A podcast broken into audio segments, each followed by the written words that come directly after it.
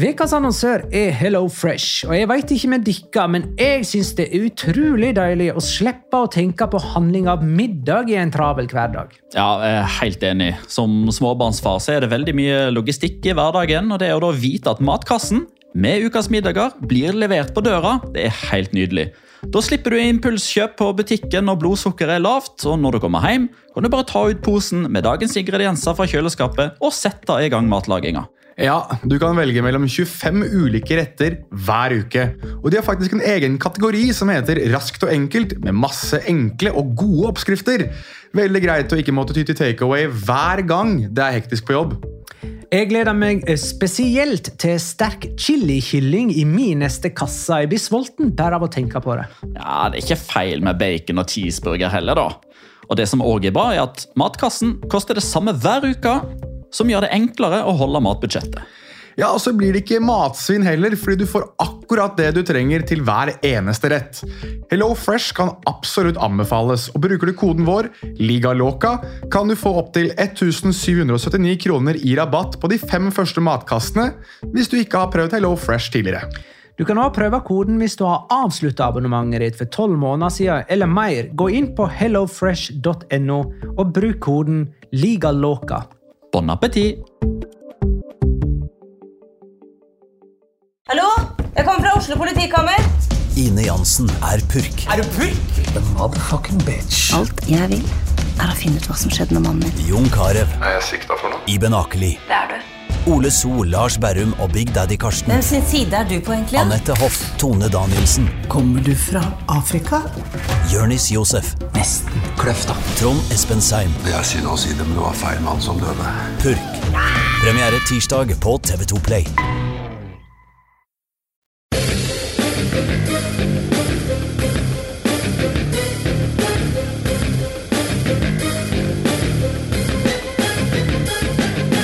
Har du sett? Spania tapte sin første heimekamp på fire år, da de stilte med en halv elver som ikke er førstevalg på klubblaget sine engang. Er det så mange utenlandske spillere i de største spanske klubbene nå at landslaget deres forsvinner?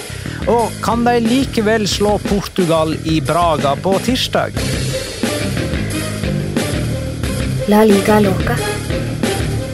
En litt gærnere fotball. Ja, ja, ja, dette er La Liga Låka, episode 219 av det ordinære slaget med Jonas Giæver, hei. Hei. Petter Wæland, hei. Hei. Og Magnar Kvalvik, hei. Shalom and home, Magnar. Hei, Magnar. Hei. La du merke til hva jeg gjorde for noe der? Jeg vridde om på hei, Magnar og shalom and home. Litt sånn for å være gøy. Eh, Ja, du sa hei eh, i selve runden, presentasjonsrunden. Mm. Det syns jeg var ganske behagelig. Forfriskende. Ja, jeg vet. Jeg, Ja, det er godt med litt uh, endringer, forandring. Ja, ja, ja. Forandring, Frida. jeg, er, jeg er litt sånn, vet du. Du vet aldri hvor haren hopper. Det er akkurat sånn du er. Mm, Aldri noen endring. Det er så lite Det er så lite sånn uh, si, forutsigbarhet når det kommer til meg. Nå har det vært veldig mye klubbfotball i det siste. Såpass mye at vi nesten har lurt på om det ble for mye. Nei. Ja, så opp- spørsmålet er sånn Er det litt deilig nå når det er landslagsfotball, og vi kan prioritere et fåtalls kamper og se? Nei. Jo. Nei. Jo. Nei. Jo. Jeg syns det var veldig greit denne helga, i alle fall, for eh, da feirer jeg uh, mutterens 75-årsdag, sånn at jeg gikk ikke glipp av så innmari mye. Men jeg gikk glipp av Norge-Slovenia, eller motsatt, da. Men, men der men, Men det er jo, for det er jo litt sånn når det er klubbfotball, bare sånn eh, at uh, går du glipp Mister du ei helg, så har du jo gått glipp av hva eh, 28 kamper, da, hvis man skal liksom følge med på Spania, Premier League og Ja, Eliteserien. Ja, det er greit, men, men da vil jo jeg spørre må det ene nødvendigvis utelukke det andre? Så kan man ikke gjøre flere ting samtidig? Ja, nei, jeg er nok ikke den som tar fram mobilen og ser kamp under mutterens 75-årsdag. Nei, men altså, starta 75-årslaget fredag klokka åtte og var ferdig klokka søndag, søndag klokka 23. For en liksom. som eh, må reise fra eh, Oslo til Årdal og tilbake, så går nok de dagene, ja. Men hvordan reiser du? Nei, det blir jo med bil, da. Og når man da eh, akkurat så vidt rekker å bli ferdig i Heimevernet før man skal trille av gårde i bil og... Ja, det, ja da, da har du en, en enda litt bedre unnskyldning, ja. Jeg er, enig, jeg er helt enig med Magnar. jeg. Syns det blir mye. Ja. eh, det ble så lite i denne helga at vi har bare oss sjøl å snakke om, nesten. virker det som. Nei, Vi skal snakke litt om at Spania tapte mot uh, Sveits og kommer til å tape mot Portugal. Hva har du lyst til å si, eh, Jonas? Nei, jeg synes bare at akkurat det er jo liksom De to kampene har jeg sett. Og det er så deilig å tenke på at jeg har ikke trengt å se så veldig mye mer enn de to kampene. Så her er eh, verdens eh, Men, minst eh, forberedte Hvem er episode. de to kampene nå? Nei, Norge, altså Norge, som du var inne på, Norge og Slovenia var vi innom i stad. Ja. Kanskje det var før det gikk på, men eh, vi har nevnt det. Ja, for 20 sekunder siden. Ja, ikke sant? Det er, jeg sitter og ser på troppen til Portugal, der, skjønner du. og så har jeg sett Spania mot Sveits. Det er de to kampene jeg har sett sånn ordentlig, og så fikk, hadde jeg et halvt øye på Danmark mot Frankrike i går. Selv om jeg, det var veldig gøy, da. Kommenterte landslagsdebuten til Injaki Williams. Jeg. Ja, du kommenterte Spania-Sveits, eller? Nei, Nei, det var Jaki Nico. Williams! Ja. Så nå, er, nå, er vi, nå er vi sterke, Magnar. Hæ? Nå er vi gode nå. Endre Olav Osnes kommenterte Spania-Sveits. Ja, vi, har litt, vi har to forskjellige dialekter, meg og han. De to som kan alt om spansk fotball i Norge, kommenterte hver sin Williams-bror. Tenk på det. Eh, Spania er altså I hvilken gruppe er de? Men de er på nivå 1, i alle fall. Ja, altså Tenker du bokstav? Ja, ja, gruppe C. ja, De har spilt fem kamper der. De har to seire, to uavgjort og ett tap i den gruppa. Eh, De kommer ikke til å rykke ned, men det er heller ikke sikkert at eh, de vinner gruppa og dermed spiller sluttspill i Nations League Gruppe neste A2. sommer. Ja, da er det altså gruppe to på nivå A. sånn er det. Eh, De må slå Portugal i Braga på tirsdag for å vinne gruppa si. Og for de som lurer, det er bare gruppevinner som får lov til å spille sluttspill i Nations League. Og for meg så er Nations League det mest spennende på landslagsfronten dette året. Det er det er dette og én ting til, ja. Og den ene andre tingen er vi ikke så stor fan av. Uh, jeg nevnte vel i introen at dette var Spania sitt første heimetap på fire år. De spilte jo i Saragossa med mine favorittmål. Det Ja. målene. De er så Ja, deilige. stemmer det. Jeg la merke til det. At det var Men det comeback. bakre nettveggen Ja. er fem meter eh, fra stolpene. Det går faktisk Altså, ballen går i mål i ett sekund, og så er det i nettet først i neste sekund. Det er litt deilig. Jeg tror, det var, jeg tror den der bakre nettveggen den, den er så langt bak at ingen av de tre skåringene ved ingen, ved ingen av de tre skåringene så gikk ballen helt inn i målet. Jo, kanskje på den aller siste.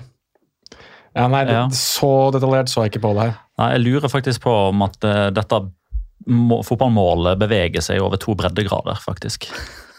Det er faktisk, det er faktisk så stort. Luis Henrique sa eh, Så upresise som vi var i den første omgangen, har vi aldri vært i min tid som eh, Spania-trener. Eh, og til og med Pedri hadde noen grove feilpasninger. Dette sa ikke han, altså. Dette sa ikke Louis Henrique, men det, dette er min egen eh, betraktning. Dette er eh, Redd And. Og eh, eh, Jordi Alba og Aspilicueta hadde hver sin eh, back. De er ikke fast eh, for henholdsvis Barcelona og Chelsea. Hele frontrekka, altså Sarabia, Ascencio og Ferran Torres, spiller bare så vidt eh, for sine klubblag.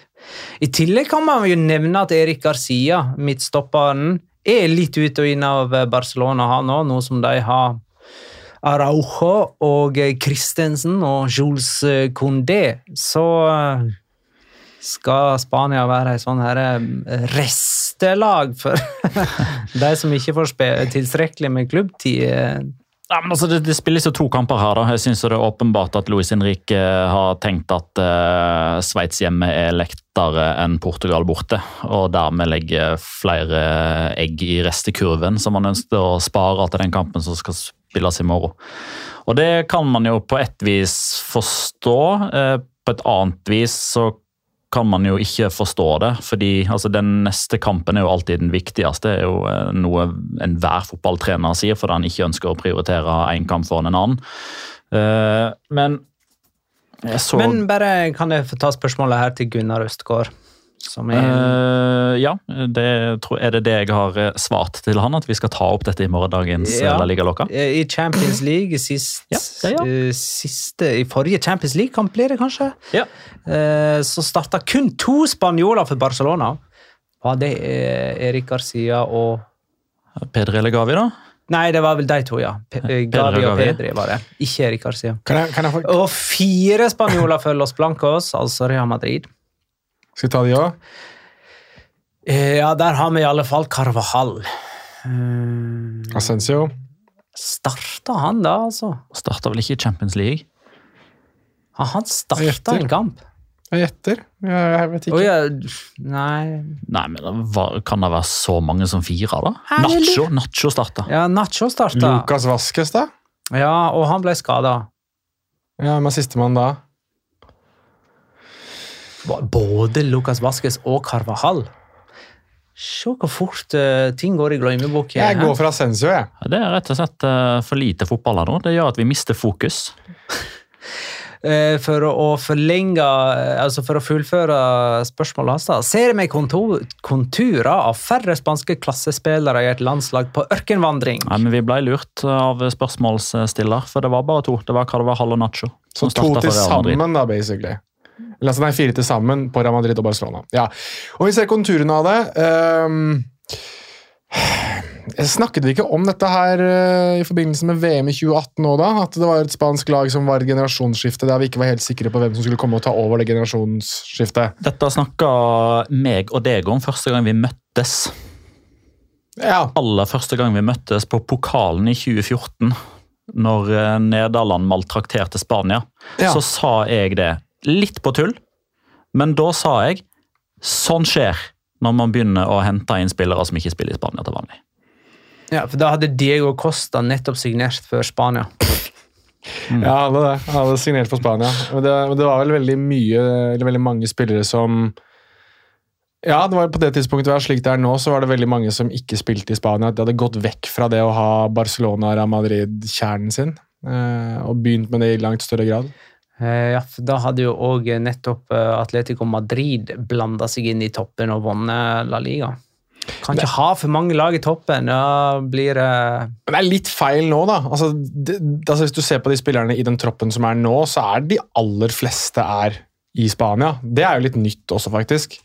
Nå har Du på en måte, du har Robert Sanchez i Brighton, du har David Raya i Brentford, du har Diego Llorente i Leeds, Aspilicueta i Chelsea, Rodri City, Carlos Soler i PSG og Sarabia i PSG. Ellers er resten i, i Spania. Ikke det alltid vært sånn? Det var et tidspunkt hvor det var veldig mye City, husker jeg. og det var, eh, Du hadde noen i Italia. Du ja, hadde, flere i United. Og United hadde flere i. Ja. Flere i Chelsea. Ja. Så det her har endret seg veldig. Ehm, det er jo ikke like å si, i hermetegn ille som det var før, men jeg tror nok at det det man nå står og ser litt på, er jo at aldersspennene på noen posisjoner er ganske store. da. Eh, jeg at Det er litt rart at Busquets fremdeles sin alder av 34 er liksom så viktig.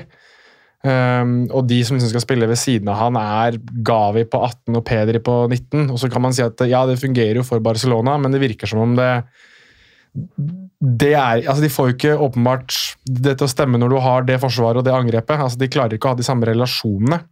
Så jeg, jeg synes at uh, der Spania egentlig mangler noe veldig tydelig, sånn egentlig er i midtstopper uh, altså på midtstopper og på, i angrep, altså i sentralleddet, så mangler det noe veldig tydelig for Spania. Men jeg, men jeg syns jo paradoksalt nok at de tre beste for Spania, så lenge de var på banen, var Busquets, Jordi Alba og Marco Ascencio. De to eldste og den som kanskje har spilt minst. Ja, nei, Så jeg, jeg ser ikke noe rød tråd eller- noe logikk i, i jeg si, måten spillerne presterte ut ifra det de har gjort på høsten til nå.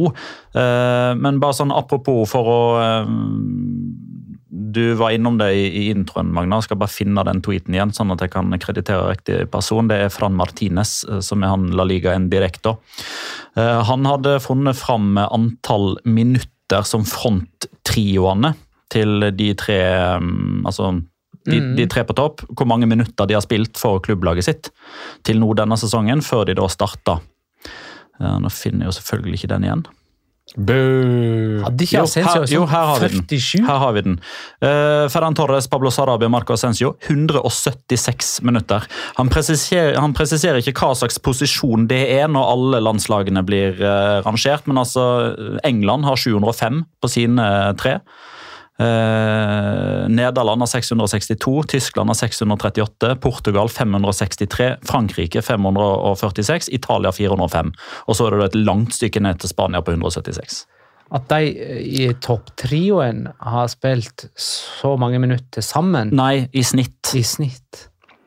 Til nå denne sesongen. Ja, jeg synes jo at uh, nesten uansett hvilke av de der konstellasjonene du kunne satt opp der altså Med tanke på de spissene som har tatt ut, så er det jo ikke sånn at det er spillere som spiller masse. uh, Eller som spiller 100% fast i noe altså Kanskje med unntak av Borja Iglesias. da. Han spiller jo forholdsvis fast for eh, Betis, og så kan man kanskje argumentere for at Alvar og Marata gjør det samme for Men altså. Apropos ting vi har snakka om siden 2014. da. Spania nummer ni. Altså, Ja, jeg sa det jo nettopp. Ja, ja. at det var, det, apropos, ja. Ja. Mm. apropos ting vi har snakket om siden 2014. Men nå er det, Kom ikke det litt overraskende at han starter med Marco Asensio som uh, nummer ni? Og Ja. gir det egentlig mening? Det er greit nok at han hadde den ene Det var et veldig bra forarbeid til målet, Ja, for all del. Det var det. Men, Men- altså, vi har jo vi har snakka om gjentatte ganger, vi har òg fått uh, det inntrykket gjennom spørsmålene som lytterne våre stiller, med at det er veldig mange som, uh, som lurer litt på hva Louis Henrique egentlig holder på med fra tid til annen. Altså At mannen er flink, er det absolutt ingen tvil om, men han tok jo ikke med Marco Ascencio på landslaget når han var på sitt beste, og så tar han han med og starter han når han ikke får tillit. Det er nesten litt sånn at ha, se hva jeg gjør nå. Jeg er landslagssjef og gjør som jeg vil. Eh, Halnes Hallnes lurer på om Spania sin startelver er Eller han Han skriver vel, påstår vel. Og Spania sin startelver ser vel ut som litt over middelmådig. Ja, Eller så kan du bare si middelmådig. Er det ikke Nei, det er den jo ikke. Vi, altså, altså, De har tatt mot Spa Sveits, greit, til, men til Spania å være? Altså Lag på nivå B er på en måte sånn det, Der er det sånn middelmådig. altså, hva er Eller- Norge? Ja, middelmådig. Er Norge middelmådig, eller er de gode? Jeg vil jo si at Spania som landslag fremstår som et godt landslag, men vi snakker vel spiller for spiller, så fremstår de mer middelmådig, syns jeg. Syns jeg syns Spania i sum er bedre enn enkeltindividene her. Det mener jeg. altså. Jeg synes ikke det, er, det, er ikke noe, det er ikke noe stjernegalleri man sitter og ser på her. altså. Det trenger ikke man heller. Nei, men jeg tenker jo at de aller fleste av landslagene, især det landslaget de nå skal møte, altså i Portugal, så er det jo noen ganske tydelige stjerner. Men i hvert fall stjerner på det spanske landslaget. Sånn, Hvem er det som er stjernespilleren? Pedri? Mm. Ja Og Gavi. Altså, det er Greit at Sergio Busquets er 34A, men hvis ikke det er verdensstjerner, så vet nå ingenting. Jo, jo, ok, da kan vi kanskje differensiere mellom stjerne og profil. da. Greit nok. Altså, Jeg sitter ikke liksom Det er derfor jeg egentlig ikke helt skjønner hvorfor vi snakker om stjerner. Men, øh, altså, gode spillere altså, Gavi og Peder er jo kjempegode spillere, men det er vel ikke verdensstjerner, kanskje? Er De ganske anonyme sånn. Ok, her kan vi gjøre, her kan vi gjøre, gjøre De havner vel ikke foreløpig på det, de fleste gutterom med sånne plakater på veggene. Har de det fortsatt? Pleier tenåringer å henge opp plakater på Jeg vet ikke om tenåringene gjør det, men uh, sjuåringen min han, uh, han fikk valget mellom Bruno Fernandes og Kevin De Bruyne. For det var det som var sånn mitt poster i et sånt fotballblad vi kjøpte. Uh, vil dere gjette hvem han valgte? Jeg Bruno Fernandes. På Kevin De Bruyne. Det var Kevin De Bruyne. Aner ikke hvorfor. Han grunnga det ikke. Han bare ja, vi, vi tar han. Likte vel lys og blå drakt, da. Nei, altså, men jeg bare ser på den troppen til Spania og tenker sånn I de posisjonene her, er liksom dette her topp fem i verden? Altså er for eksempel Ok, Pedri er kanskje topp fem midtbanespiller i verden. Kanskje Sergio Busquets er topp fem defensiv midtbanespiller i verden fremdeles. That's it! Ingen av de andre er topp fem i verden i sine posisjoner. Pau Torres? Jeg veit ikke. Det, eh, men eh, ja Er det Gaia, Alba, er de topp fem venstrebacker i verden? Nei. Nei. Da er det fem, nummer fem i så fall. Ja, da, og da, da er man, Onay Simon er han en topp fem-keeper i verden? Jo men, det, jo, men det er det som er greia. At, altså, jo, men gi meg det landslaget som har ti sånne, da. Det er jo nettopp derfor det er altså, det er jo derfor lister og sånn er så vanskelig, fordi det er så mange om beinet. ikke sant? Altså, ok, La oss si da at uh, i VM så er det 32 venstrebacker som starter. og Så er det 64 venstrebacker som skal uh, i, til VM da, uh, i en tropp. La oss si at det er to venstrebacker i hver tropp. Da er det bare fem av de som er gode, da, så er resten middelmådig eller dårlig. Nei, men jeg tror poenget, poenget jeg prøver å komme med her, er at for å være en av de virkelig store sluggerne da, i et VM, et EM Så ja, ok, to er Du kan kanskje utfordre litt, grann, kanskje du kommer deg til en kvartfinale og semifinale. Hvis du skal vinne og være en av favorittene i mitt hode, så må du ha fire eller fem av de. I sine som er topp som er topp fem i sin posisjon. Ikke nummer én desidert verdens beste, men du må ha fem topp fem, ja. Det tror jeg du må ha. Ja, det er godt mulig. Ja, det har jeg iallfall ikke i angrepsrekka. Nei, der har de, så vidt, der har de topp 25 sliter de med å komme inn på der. Det, og det er et problem. Eh, oi, skjedde det noe?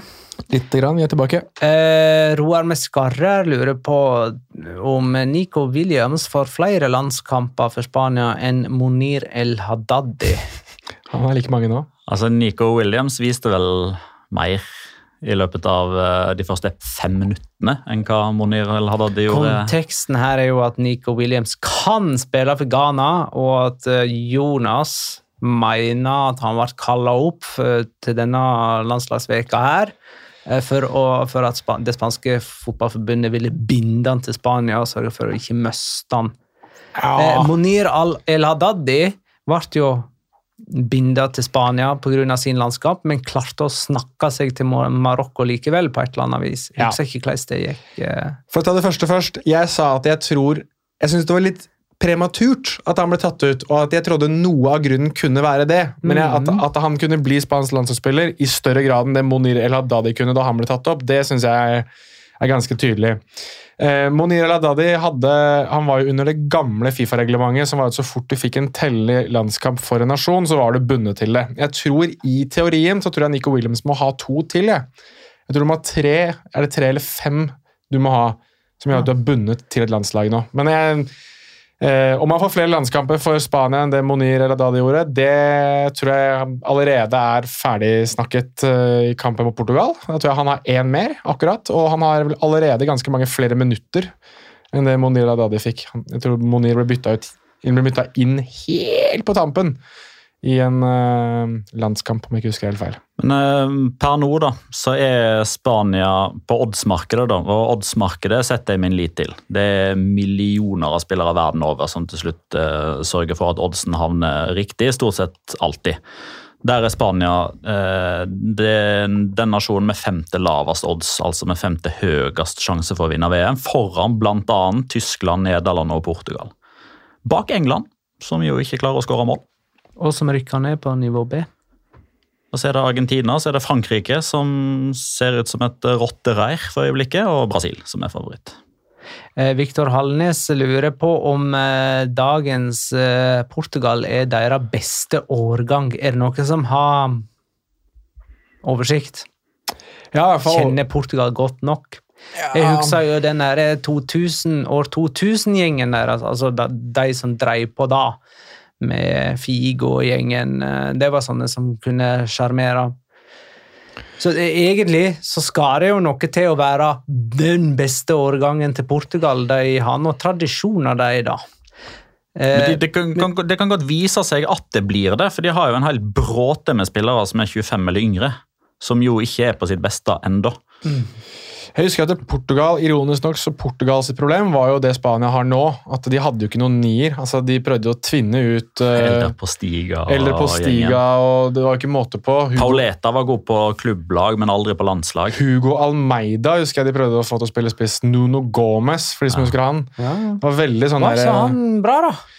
Ja, ikke noe liksom, På den ene siden hadde du Luis Figo, på den andre siden så hadde du Cristiano Ronaldo, og så hadde du liksom Ricardo Quaresma som var veldig god på landslag. Simao var også inne der og tulla og fjasa litt. Grann. Så hadde de en kjempemidtbane med Manish. Deco og Manish. Manish, eh, Manish Deko og Conceição eh. Costinha. Husker jeg var helt sinnssyk.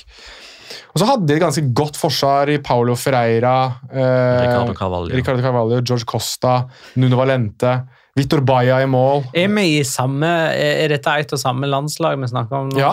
Eller er det ved Ja, jeg, flere ja, jeg tror du sklir litt over i 2004 og 2004-gjengen. Jeg er, jeg, 2006-gjengen. jeg, er 2004 jeg, på nå. Jeg tenker jo at jeg, Kanskje Ricardo Quaresma ikke var med da.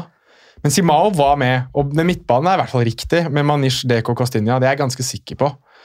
Eh, men jeg lurer på om det, jeg lurer på om det var Ricardo jeg, som sto i mål, ikke Vitor Baia. Jeg tror Baia Var var, det hans, Ricardo som kasta hansker Ja. under straffebunken mot England? Yes, yes. Tiago også på det laget der. Tiago Ja, Mendes. Det ble, noen år her nå uh, med Portugal-årganger. Og den eneste som fortsatt er med, er Cristiano Ronaldo.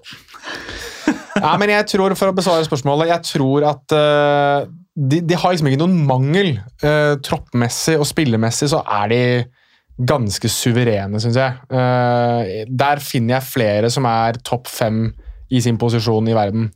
Så jeg syns jo at de ut, altså, jeg syns at de er veldig gode ja, når jeg ser Portugal spille. Jeg syns liksom alle sammen ser ut til å ha funnet sin rolle.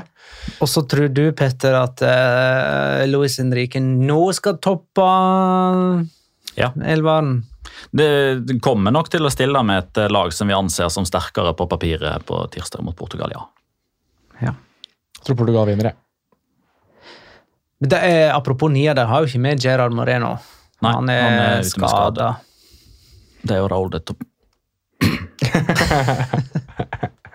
Hvem andre er det som mangler egentlig? Thiago. Tiago men han, Aymeric Laporte er ikke med. nei, men Thiago får jo ikke lov til å være med. Han er jo ikke plukka ut.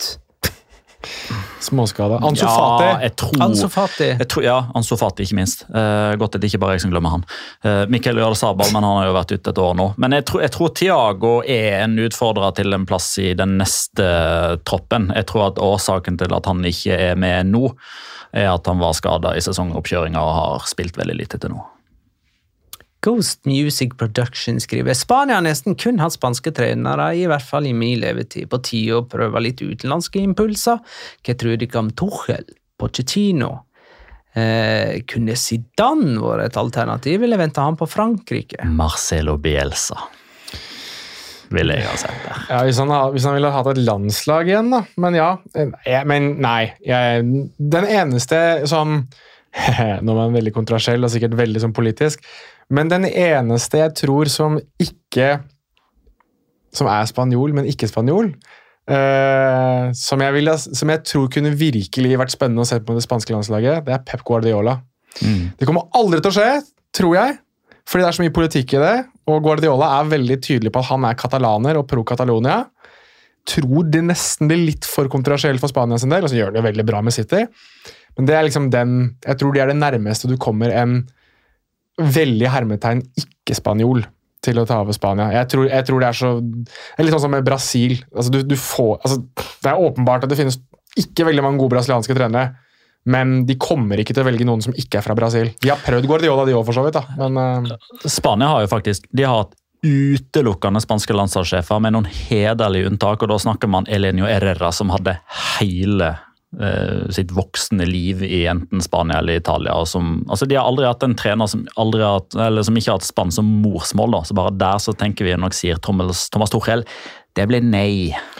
men jeg syns den tanken om Pochettino er interessant, om ikke annet. Men jeg syns ikke at det er noen spanjoler som Altså Hvis Luis Henrique trekker seg etter det der mesterskapet som skal pågå i Midtøsten, så er det liksom Marcelino, liksom? Ja, men altså, Da har jo Jolene Lopetegi mista jobben i Sevilla. Ah, gikk jo vel, ja, men det, nei, men altså, Uten å kødde, da. Det gikk jo, det gikk jo jævlig bra forrige gang. Vet du hvem andre det gikk jævlig bra for forrige gang? Robert Moreno gjorde det også jævlig bra som spansk landslagssjef. Kanskje han skal få jobben? Nei, det orker jeg ikke. Det orker jeg ikke. Nei. Jeg tror ikke, det- tror ikke Robert Moreno skal få noen jobber noen gang igjen. Få det bort!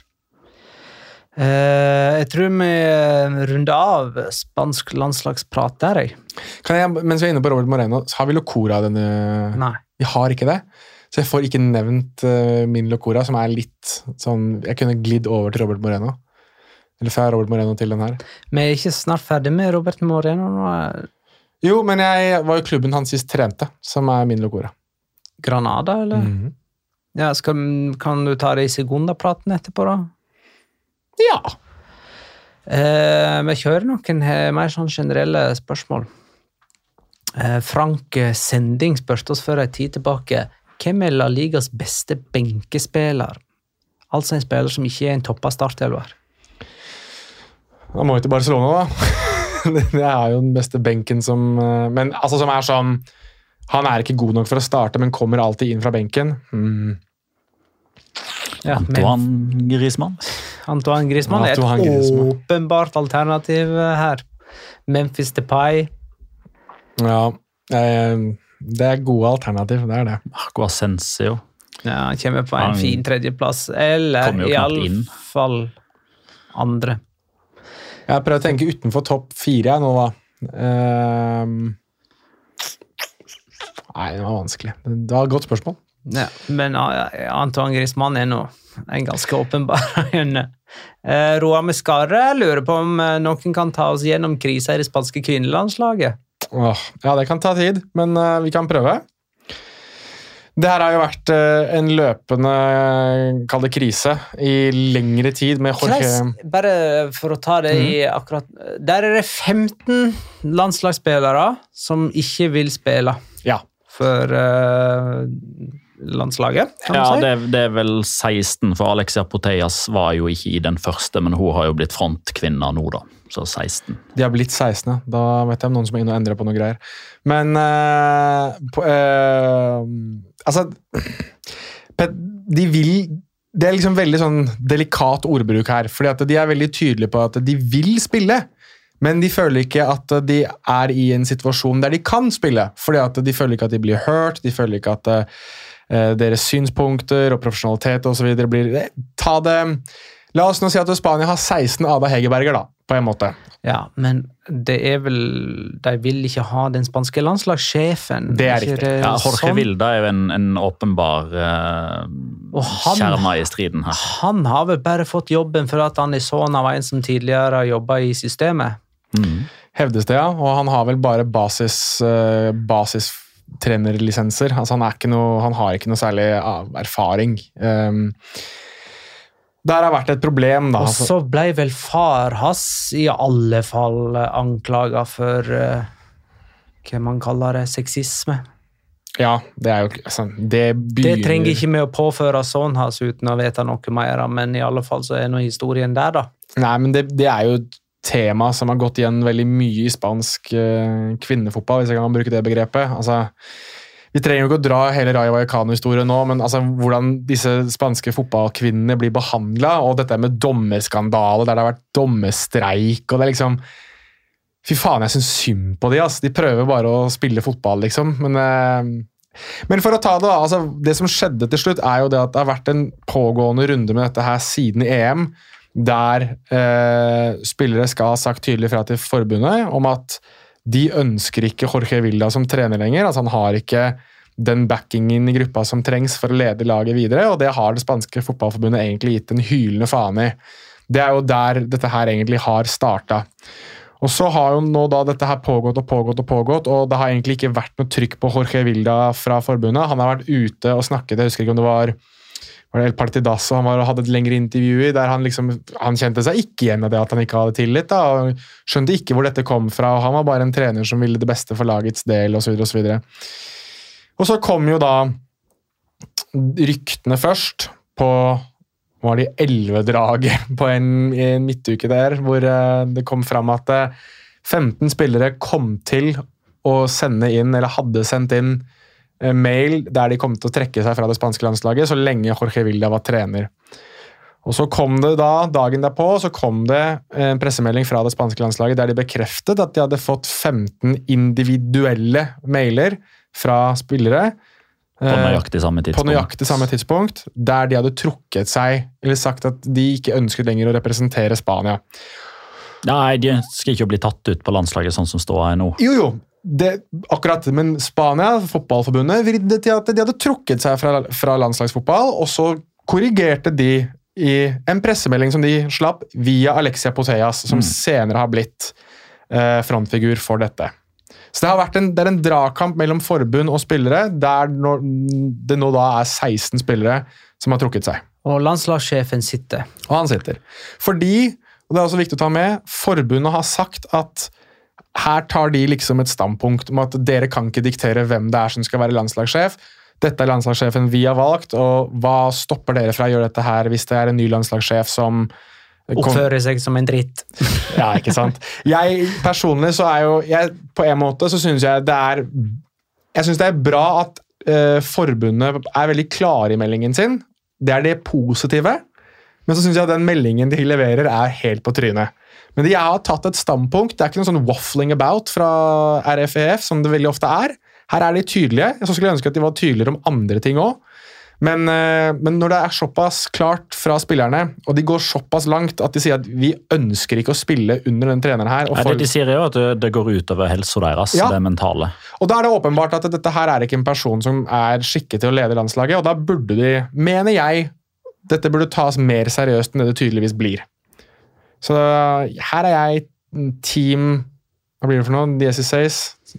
16? Det er, jo et, det er jo eh, forskjell på å diktere hvem som skal være landslagssjef, og og gjøre opprør mot sittende ledelse. og Det må jo nesten forbundet òg forstå.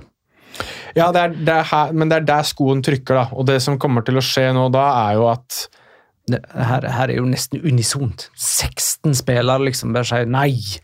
Da, da bør Veldig, ringe veldig mange av de hører til Barcelona. Det er i alle fall bare en ting jeg har lagt merke til. Der, at det, altså Alle Barcelona-jentene mener nøyaktig det samme. Ja, og er veldig mange av Real Madrid-jentene har ikke gjort noe. Det er også en annen ting som man har, har poengtert, i hvert fall i Spania.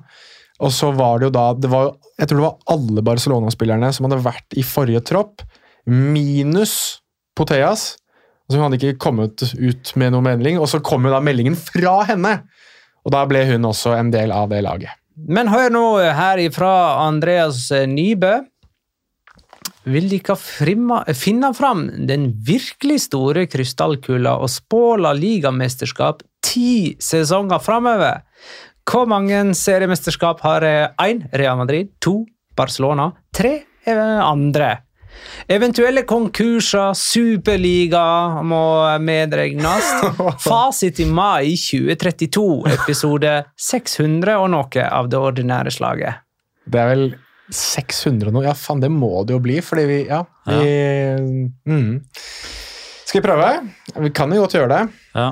Eh, Men la oss bare begynne med sånn eh, de neste ti åra. Hvor mange mesterskap eh, av de ti tar Real Madrid og Barcelona til sammen? da? Altså, Hvor mange er det som går til noen andre? Jeg tror eh, de neste ti årene så blir det fire mesterskap som blir vunnet av noen andre enn de. Og det er Wow. av at de bryter ut og skaper sin egen liga sammen med andre drittsekklubber. De forsvinner fra La Liga. Ja, sånn, Um, La Liga, sånn som vi kjenner det nå, kommer ikke de til å spille i om fire-fem år. jeg fikk bedre okay, mening men fra det- Teba Tebas om at ikke, ikke Det må ødelegg. nesten bli om seks, det må nesten bli om seks år, der, da, hvis, de skal, eh, hvis det er fire sesonger de ikke skal vinne. Ja, men eh, i en overgangsfase der så prøver de å ha en, en deltakelse begge steder, og så går det ikke så bra, og da tenker Peres fuck this, vi driter i La Liga. Ok. Nei, jeg tror ikke Skal jeg skrive ned dette? Nei, Nå er du i podkastform, da. vi, vi, vi kan minne deg på det i 2032. Ja, det er greit. Da ligger det i arkivet. Det må vi sette det inn i kalenderen på telefonen. eller noe. få et varsel. 15-årsjubileum for denne podkasten her. Da skal, da, da, skal dette opp og fram. Ehm, nei, jeg tror ikke det bryter ut. Jeg tror, uh, jeg tror La Liga blir værende sånn som det er, og jeg tror seriemesterskap går mellom Real Madrid og Barcelona, og så tar jeg det to som vinnes av andre. Har du da lyst til å tippe hvem de to andre er? Det kan jeg godt prøve på. Eh, jeg tror at det, et, inni der så får vi Jeg går for Villarreal, jeg. Inni der.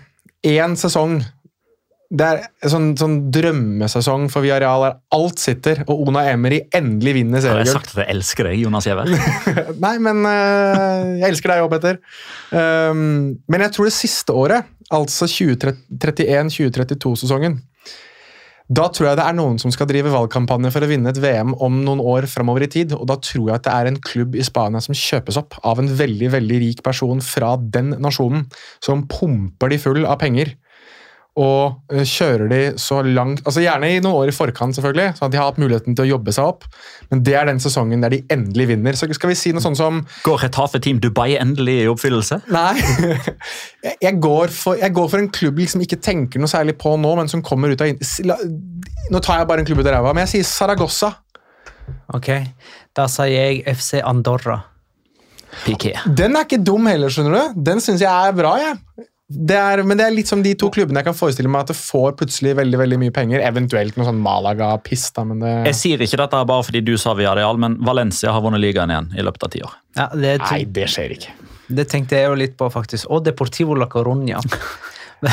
Men hvis, men hvis Petter Lim har solgt seg ut innen en tiårsperiode, da, da blir det fest. Uh, Neimen, uh, det var jo greit. Uh, da har Andreas Nybø fått uh, svar på det spørsmålet. Eh, jeg har litt lyst til å ta en ting til fra Asle Tu, som kom med et spørsmål for ganske lenge siden. Om det er vanlig at spillere får så spinnville utkjøpsklausuler i La Liga, da, så klubbene som vil hente dem, må sette ny overgangsrekord. Han mener det er risky business. Jeg vet ikke helt hvorfor han mener det. Eh, Men eh, svaret er vel ja, det er ganske vanlig å sette spinnville utkjøpsklausuler på Ja, Det er vanlig i Barcelona og Real Madrid. Det er blitt vanlig. ganske vanlig i Atletico. Noen av de utkjøpsklausulene er ganske høye. Atletic eller Atletico? Atletic. Atletic har begynt med noe helt nytt nå, ikke ha utkjøpsklausul i det hele Å, tatt. har jeg med det? Ikke, at ikke Monjain- Monjain, Injaki Williams, de som har signert nye, de har ikke Ja, de, de sier det fra seg. Det er viktig å påpeke, fordi de er jo egentlig Ja, lovpålagt ja, de er lovpålagt å ha det, men den, den står på null. Ja, riktig. Eller én cent, eller hva det er for noe. da. Symbolsk sum. Ja. Men Så det er egentlig ganske få klubber som kjører det som en sånn her standard praksis? Altså, I og med at dette her er i utgangspunktet noe som er lovpålagt, og som hører arbeidsretten til, og fotballspillere er jo arbeidstakere i Spania og blir ja, med alle frynsegoder og alle forpliktelser osv. Da er det som regel da en, en slags form for formel som er utgangspunktet, som går på kontraktslengde, hvor mye man har i lønn, eh, og markedsverdi og hvor viktig rolle de spiller i laget og alder osv. Og, og så er det en forhandlingssak deretter der eh, agentspiller gjerne vil ha den ned, klubb vil ha den opp. Ja, og, så det, Og så møtes man på halvveien. så er det viktig å ta med da at eh, Og jeg vil skyte inn at uh, dette her ble jo en større og viktigere praksis etter 2017. Fordi Barcelona trodde jo at de i teorien hadde satt en uh, uoppnåelig utkjøpsklausul på Neymar Mm. på 222 millioner euro. Og så sa jo bare uh, Qatar Sports Investment og PSG ok, og betalte Hva er KID-nummeret? Ikke sant? Så nå settes jo disse utkjøpsklausulene til helt sånne ville, astronomiske Ja, ja, det er jo summer. 1000 millioner euro på Pedri og Araur Og... Ja, de er jo de er aldri men, men det som er litt gøy med det, det bare for sagt, det som er litt gøy, er at spillerne må faktisk være enig i at det skal være utkjøpsklausulen deres. Mm. Det er litt moro, syns jeg. At eh, de har faktisk blitt enige med at eh, ja, ja, men ja, som, Høres ut som en fin verdi på meg, det. så mye har jeg vært. det syns jeg er litt gøy. Men uh, det er vel egentlig årsaken til hvorfor de har blitt så ekstremt høye, men de har alltid eksistert. Så vi snakka litt uh, Segunda, da, for det var jo full runde i Segunda Divisjon. Eh, de gamle primera-kjenningene fra Baskerland, altså Alaves og Eibar, toppa tabellen. To andre primera-kjenninger. Don't stop the count! To andre primera-kjenninger. Uh, Racing Club fra Santander og Malaga ligger helt sist. Don't stop the count!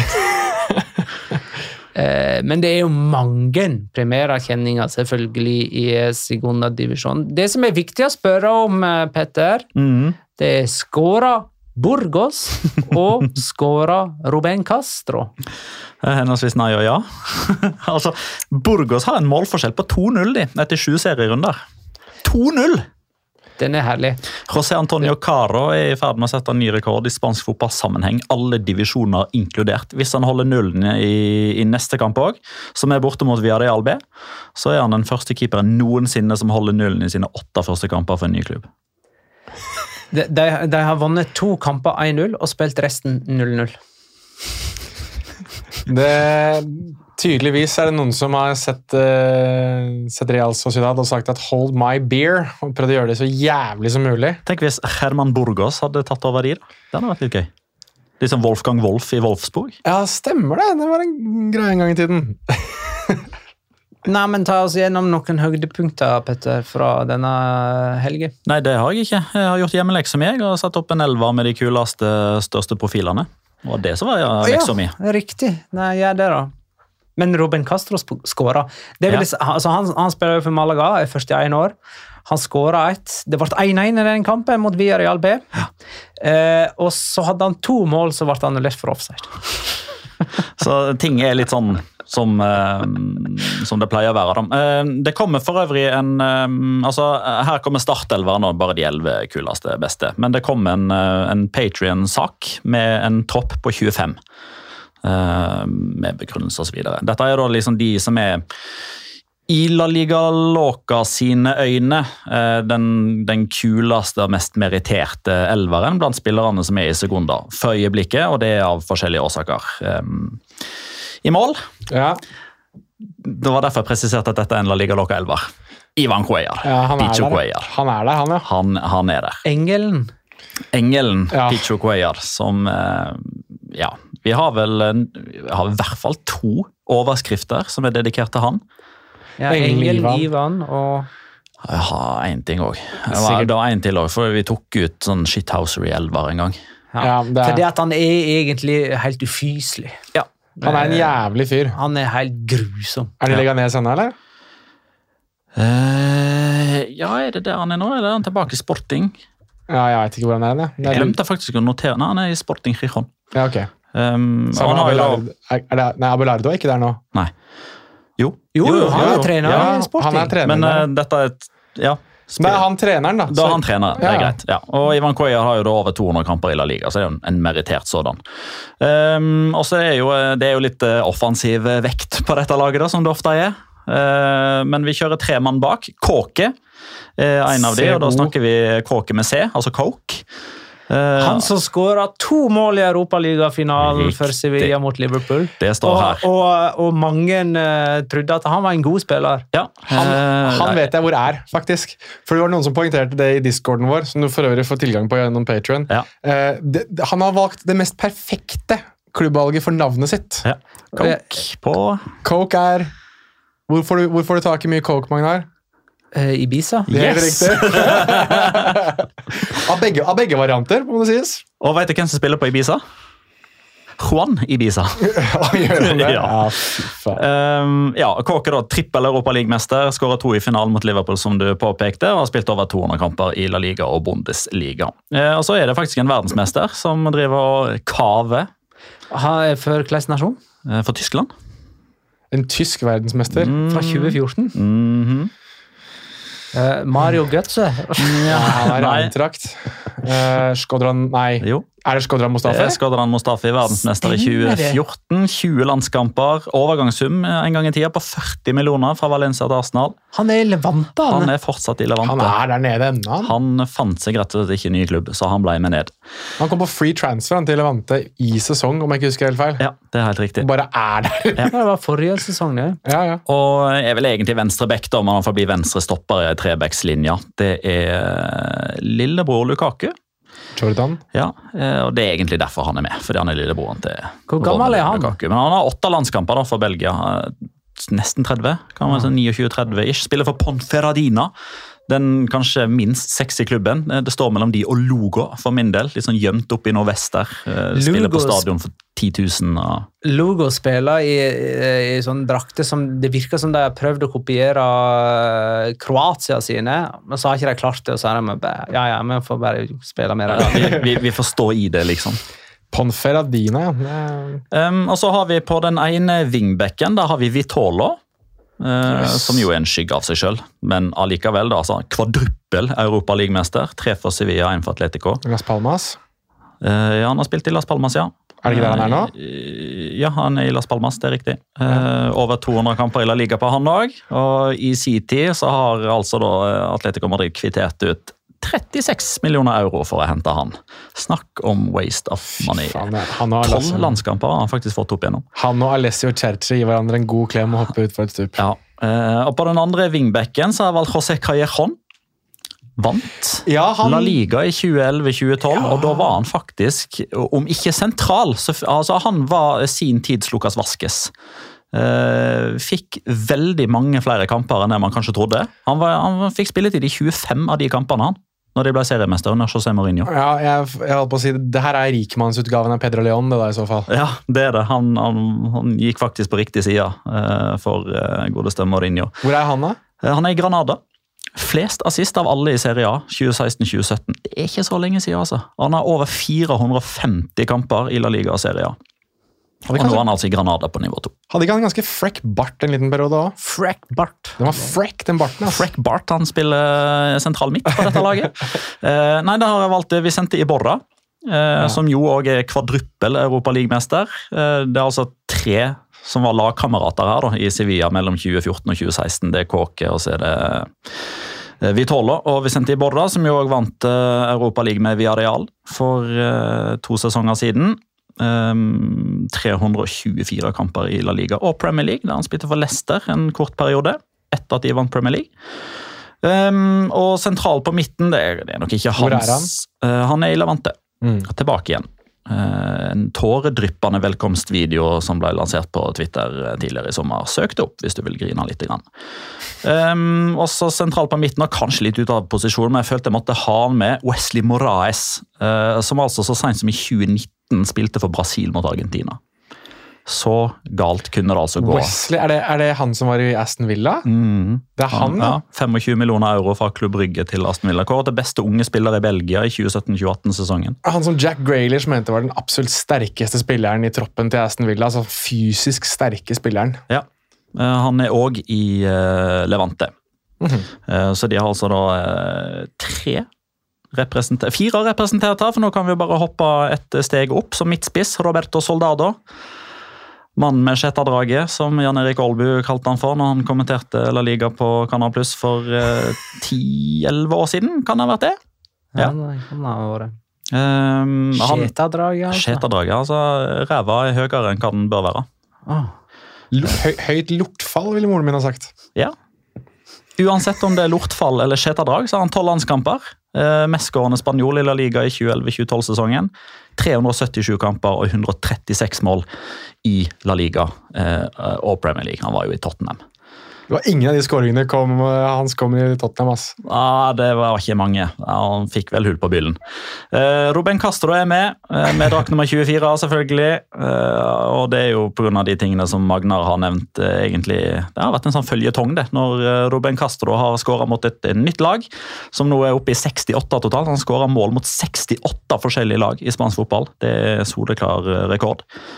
Eh, 282 kamper og 93 mål i La Liga. Tidenes mestskårende i Real Betis. Han er nå i eh, Malaga. Og så på motsatt kant så har jeg valgt Nolito, som òg jo har eh, funnet ut at sine eldre dager skal tilbringes på Ibiza. Og det passer jo òg eh, veldig bra. Altså Navnet til Kåke, eller Coke, passer veldig bra på Ibiza. Og humøret Nolito, og smilet til Nolito passer jo perfekt der. 16 landskamper. Den eneste som har skåra mål i EM, som spiller i Segunda. Det gjorde han i 2016 mot Tyrkia. Han vant Europa League i 2019-2020 med Sevilla. Har spilt 262 kamper og skåra 64 mål i La Liga og Premier League, for han var jo i Manchester City. Vant Premier League? Kjempesuksess. Vant Premier League. Tror Tror, han tror han vant Premier League ett år. Tror jeg. jeg Tror han ikke gjorde det. I så fall så gikk jeg glipp av det når jeg gikk gjennom vant ikke eh, han med Manuel Pellegrini, hva? Mener du skal ta med Pellegrini? Det kan hende alle kampene i Segunda gikk med teksten 'Nå all rasisme' på skjermen. Jeg vet ikke om det er vanlig, eller om det var spesielt for denne helga her, og om det hadde noe med eh, forrige helgs eh, El Derby Madrileño å var gjøre. veldig kjapt. Han spilte for Manchester City én sesong, det var i 2016-2017. Med, med Chelsea vant ligaen. Ja.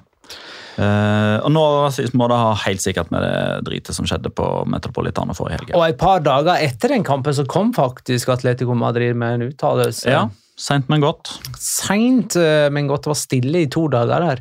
Eh, Men eh, etter hvert så kom det altså med en uttalelse om at smerten som den røde og hvite familien føler for denne hendelsen, er enorm. Vi kan ikke tillate noen å assosiere fansen vår med denne typen oppførsel og stille spørsmål ved verdiene våre pga. en minoritet som ikke representerer oss. Det er veldig på det der med at det er en minoritet Ja, Men de har- slipper det jo inn på stadion, da. ja. Så, Men eh, vår avgjørelse er fast og grunnleggende. Vi vil ikke stoppe før vi utviser disse fra den rød-hvite familien, for det får de ikke være en del av. Det er den siste Ja, setningen. Vi får se, da. oi sann. Om ord blir til handling. Uh, vi må tippe. Fikk jeg lov til å ta Å ja, vi var der, ja. Stemmer Ja. det. Og så skal jeg Eh, avslutte med reisebrev. Ja, det òg. jeg skal, veldig, jeg skal være veldig kjapp. Jeg bare syns det var eh, Det blir over en time i dag, Magna. Bare gi opp. altså. jeg, bare, jeg syns det var veldig gøy eh, mens vi var på Granada. Eh, et av de øyeblikkene i Granadas historie som jeg syns er gøyest, er Tony Adams, som står og holder på skal drive og bevege seg fram og tilbake og prøve å instruere alle disse her Granada-spillerne hvordan man skal spille forsvar. Og Tony Adams har jo vært en type som ikke har snakket så veldig mye sånn veldig åpent, annet enn at, han, at det var skuffende dette med Granada, at han, han følte at han kunne klare å redde dem osv. Men jeg syns det var litt gøy at Tony Adams bestemte seg. så Han er jo nå med på Skal vi danse, altså den engelske utgaven Skal vi danse, Strictly Come Dancing.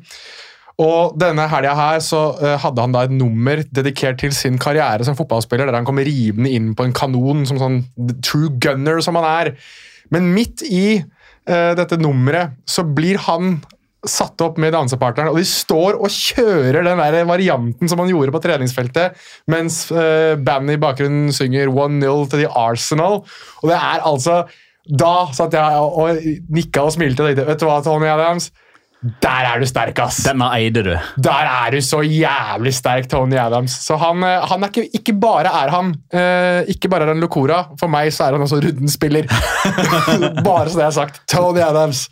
Så var dette din lørdagsunderholdning? Du satt hjemme med din utvalgte og så eh, engelsk Skal vi danse? Nei, men jeg så faktisk den norske. ok. Jeg gjorde faktisk det.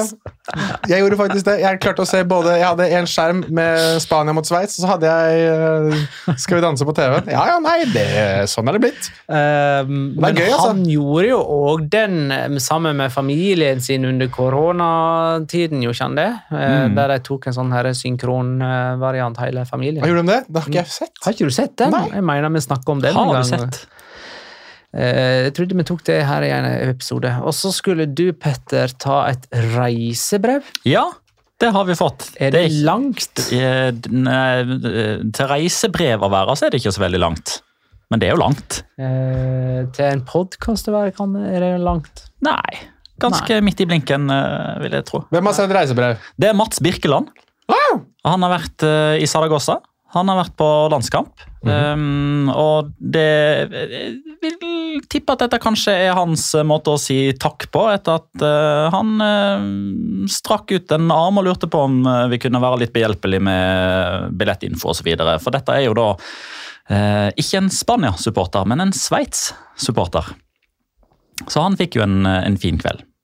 Skal jeg bare begynne å lese? Begynn, du.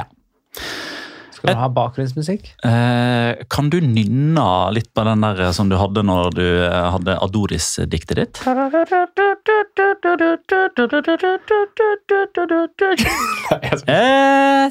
Etter å ha ankommet Saragossa tidlig fredag formiddag med toget fra Madrid, var vi omsider sjekka inn på et middelmådig hotell med begrensa engelsk. Saragossa er jo en by med et respektabelt antall innbyggere, men virker naturlig nok vesentlig mindre enn Madrid. Det var lite som minner om at det var kamp dagen derpå, kun en og annen innført noe som kunne minne om effekter. Sveitserne var derimot i større grad synlig i bybildet, dog kun i aldersgruppa som en i reisefølge sammenligna med håndballens venner. Lørdag kom, og vi skulle videre ut og se på byen. Denne dagen var det flere trøyer eh, å se. Vi fikk sett Borgen, men manglende spansk reisefølge gjorde at vi har besøkt bedre severdigheter. På veien tilbake til sentrum merka man at det var lørdag. Der bygatene tidligere hadde virka tomme, så hadde innbyggerne nå virkelig kommet seg ut i gatene. Byen kokte, og når man nærma seg torget i sentrum, hadde det spanske fotballforbundet satt opp en fanzone i sentrum. Her fikk man kjøpt seg leskedrikk, og barna kunne faktisk vinne vin til foreldrene dersom man klarte noen av aktivitetene som var satt opp for barn. Det var òg betydelige sjanser for å vinne landslagstrøyer og andre effekter som kunne komme godt med på kamp. Hele byen var på dette tidspunktet rundt klokka 14.00 full av landslagstrøyer, skjerf, fløyter og flagg. Det var definitivt enkelt å se at nå var det snart kamp. Men ingen kubjeller, da, tydeligvis? Nei, jeg tror håndballens venner-sammenligningene eh, stopper her. Prøver du å si at det ikke var noen vikinghjelmer heller? Jeg tror ikke Rune Tribune var der heller. Men var Runo Tribuno der? Bruno Tribuno! Bruno Tribuno! Bruno Tribuno! Uh, sånn. Men uh, disse her hadde jo hatt en litt uh, småtung dag dagene forveien, så de måtte tilbake igjen til hotellet for å få litt mer søvn før de kunne begynne å gjøre seg klar til ferden opp mot stadion. Og for de som ikke er så kjent med eh, spanske middagstradisjoner, altså Mats og kompani eh, så eh, de, altså de har vært på kamp med, med Sveits i andre land, så de regner jo med at vi kunne få oss en matbit på vei til stadion. Ifølge Google Maps så skulle det vrimle av restauranter, men etter å ha besøkt fire-fem steder som virka ganske attraktive, så skjønte vi raskt at det, det, var noe rart her. Og de ble mer eller mindre sett rart på når de spurte om å få se middagsmenyen. Og med rynkete panna så fikk vi til svar at den menyen kom ikke før 2030. Det måtte de jo skjønne. For i Spania så spiser de jo middag veldig mye seinere enn eh, f.eks. i Sveits. Um, da, fikk de, da fikk vi heller tilføre litt leskedrikk. Det er jo næring i det òg. Vi runda akkurat hjørnet av La Romareda og ble møtt av et ellevilt folkehav i rødt og gult og en haug med politibiler som kom bak dem. Der kom de spanske spillerne i bussen og ble møtt med enorm jubel, og de var lettere sjokkert over folkemengden. En kjapp tur innom supporterbutikken og kjøp av Saragossas i trøya. Fikk helt i oss noen begere mens vi lette etter mat eller matbod, men heller ikke der fikk vi i oss eh, mat. Men øl, det fikk vi. Går dette her nå mot slaget ved Romareda, litt sånn som slaget ved Vallecca? Uh, nei, heldigvis ikke. Jeg kjenner meg igjen. uh, Omsider innenfor stadionveggene slo det oss raskt at dette var ikke den mest moderne stadion, til tross for at den er pussa opp to ganger. Her ble det delt ut skjerf og flagg med de spanske fargene, Abernid Furmi. Altså, han ville ikke ha det. Um, at stadion ikke hadde en storskjerm, det slo oss òg som litt overraskende. Men vi fant våre plasser, og stemninga steig. I hjørnet bak oss var den uh, unge delegasjonen av Sveits sine tilreisende, mens håndballens venner satt lenger ned mot midten. Det slo oss raskt at Silvan Widmer kunne få en betydelig tung dag. Shakiri virka mindre motivert for defensive oppgaver enn resten av laget, og Spania sin venstreside kunne enkelt komme to mot én. Etter 21 minutter smeller det, og undertegnede løper nedover trappene i lykkerus over Akanji sin praktfulle skåring. Det blir nesten stille på stadion, før det omstilles og de sveitsiske jubelropene blir raskt overdøvet. Nå kommer også kampens høyeste jubelrop når Borja Iglesias starter oppvarminga. Disse kommer ganske ofte fram til han omsider kommer inn til øredørende jubel. Men 1-0 til pause. Fortjent var det muligens ikke, men foruten sjansen til Spania kort tid etter målet, så virka det ikke ufortjent heller. I andre omgang var det mer eller mindre ett lag på banen, og den spanske skåringa etter 54 minutter var et kunststykke. Ascensio var suveren, Wilmer ble isolert mot Alba. Skudd fra Alba, sommersjanseløs 1-1. Der jeg jubla høyt for 1-0, så så fikk jeg noe tilbake blant de som satt rundt oss, med renter. Eufori blant publikum som noe annet enn målrik andreomgang. Men kalddusjen kom fort. Fire minutter senere, igjen på dødball. Embolo får pirka ballen inn. 1-2. Stille. Enormt stille. Og full jubel på oss andre. Kunne Sveits virkelig vinne? Kampuret tikka mot 90 minutter, og foruten nesten sjølmålet til Sveits, så satt man ikke på følelsen av at Spania var veldig nærme. Det virka ikke som en desperat kamp for å få 2-2 heller. Så, i det 92. minutt, kom den sjansen som måtte komme. Borja Iglesias kommer gjennom, slår 45 grader ut i feltet, og hele stadion er på vei opp av setene, men Sommer kom seg ned og fikk redda. Oppgittheten slår seg ut, kampen ebber ut, og igjen full jubel for tilreisende. Men det var ingen sutring eller dårlig stemning på vei ut fra stadion heller. Så til slutt så må vi komme med en liten bemerkning. Vi har vært på noen landskamper etter hvert, men ingen steder har vært like positivt overraskende som i Spania. Masse effekter, ingen overstadig beruselse. Hei sann, Danmark. Kvinner, barn, menn. Alle var hyggelige, og det var slående hvor gode spillere som Gavi, Ascencio og Pedri er, når man sitter ringside og ser de live. Ballkontroll, blikk og bevegelser. Det er rett og slett wow. Spania, det var en ære. Ciao samme. Hei! Trivelig, da. Moro. Ja, men vet du hva? Det er to ting jeg får igjen fra, fra denne her. Den første er hvor mye Spania tjener på å reise rundt i det ganske land. Eh, Det skrev jeg en blogg om i 2012 og ba NFF om å gjøre det samme. Så har de sine avtaler mulig Ullevål som gjør at det er umulig. Eh, Og den andre tingen, nok et eksempel på at folk blir ikke bare overraska, men positivt overraska av hvor gøy det er på å gå, gå på kamp i Spania. Fordi av en eller annen merkelig grunn så kommer ikke lyden gjennom, uansett hvem som har rettigheten. Lyden. Lyden fra stadion. Altså, hvis du, hvis du ser på tre fotballkamper, da. Hvis du ser på en fra Bundesliga, en fra Premier League og en fra La Liga, og dette er uavhengig av hvem som har rettighetene, om det er TV2, Seymour, Kanal Pluss, Viaplay, Discovery har NRK. Ingenting, NRK har ingenting å si. Lydnivået, hvis du har på samme volum på TV-en, om volumet står på 14 eller 72 eller hva det er for noe, høres markant bedre og høyere ut i England og Tyskland enn i Spania. Så hver dårlig- gang man reiser på kamp i Spania, så kommer man tilbake igjen positivt overraska. Ja, Det er dårlig lyd eh, på La Liga-kamper. Ja. Det er det. Men eh, den landskampen her, den var det skikkelig lyd på. Vi hørte go godt stemning. Vi hørte godt bølger eh, på La Romareda. Men da er det jo interessant, da, for det, det er jo eh, ett selskap som produserer La Liga-kamper, og et annet selskap som produserer landskamper. Så det er åpenbart at her har La Liga noe å jobbe med. Mm, det har de! Eh, tippekamp. Tippekamp. Den forrige vi tippa på, som dere ikke tok i forrige episode, vel? Nei, altså, jeg ligger på topp nå. Jeg gjør ingenting. Eh, Det var altså Atletico Madrid mot Real Madrid, som endte 1-2 med Rodrigo som førstemålsskårer. Eh, Ja, det var det. Det var det. Petter hadde 1-2 med Venicius Junior som førstemålsskårer. Det gir tre poeng. Jeg hadde òg 1-2 med Alaba som førstemålsskårer. Det gir tre poeng. Jonas hadde 0-1 med Valverde som førstemålsskårer. Det gir ett poeng. Han skåra jo, da! Burde fått et trøstepoeng, men det har Magna sagt nei til meg før. Så. Det, det, dette betyr Ja, at ja for at Valverde skåra, ja. Ja. Ja, reglene, nå. reglene er jo ikke sånn, så um, altså, du får ikke trøstepoeng. Men det synes jeg Men vi skal begynne begynne å betyr- gjøre snart. Ja, neste sesong, da. Okay.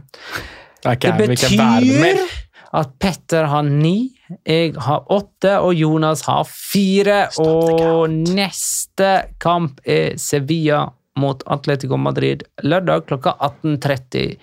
Petter 0-0. Ja.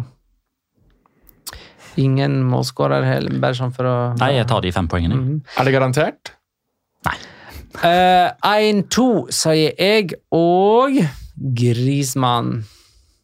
Oi, det første målet skåres seint. Mm, det er Eller at jeg har ordna en avtale nå som gjør at han kan starte. det, ja. Mm. Eh, 1-1. 1-1. Eh, Morata. Morata. Da er vi ferdig. Ja. Takk for at du lytta, kjære lytter. Hadde da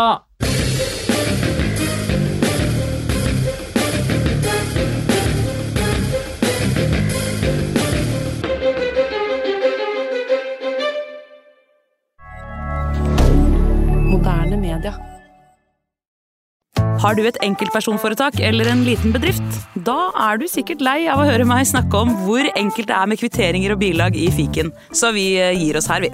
Fordi vi liker enkelt. Fiken superenkelt regnskap.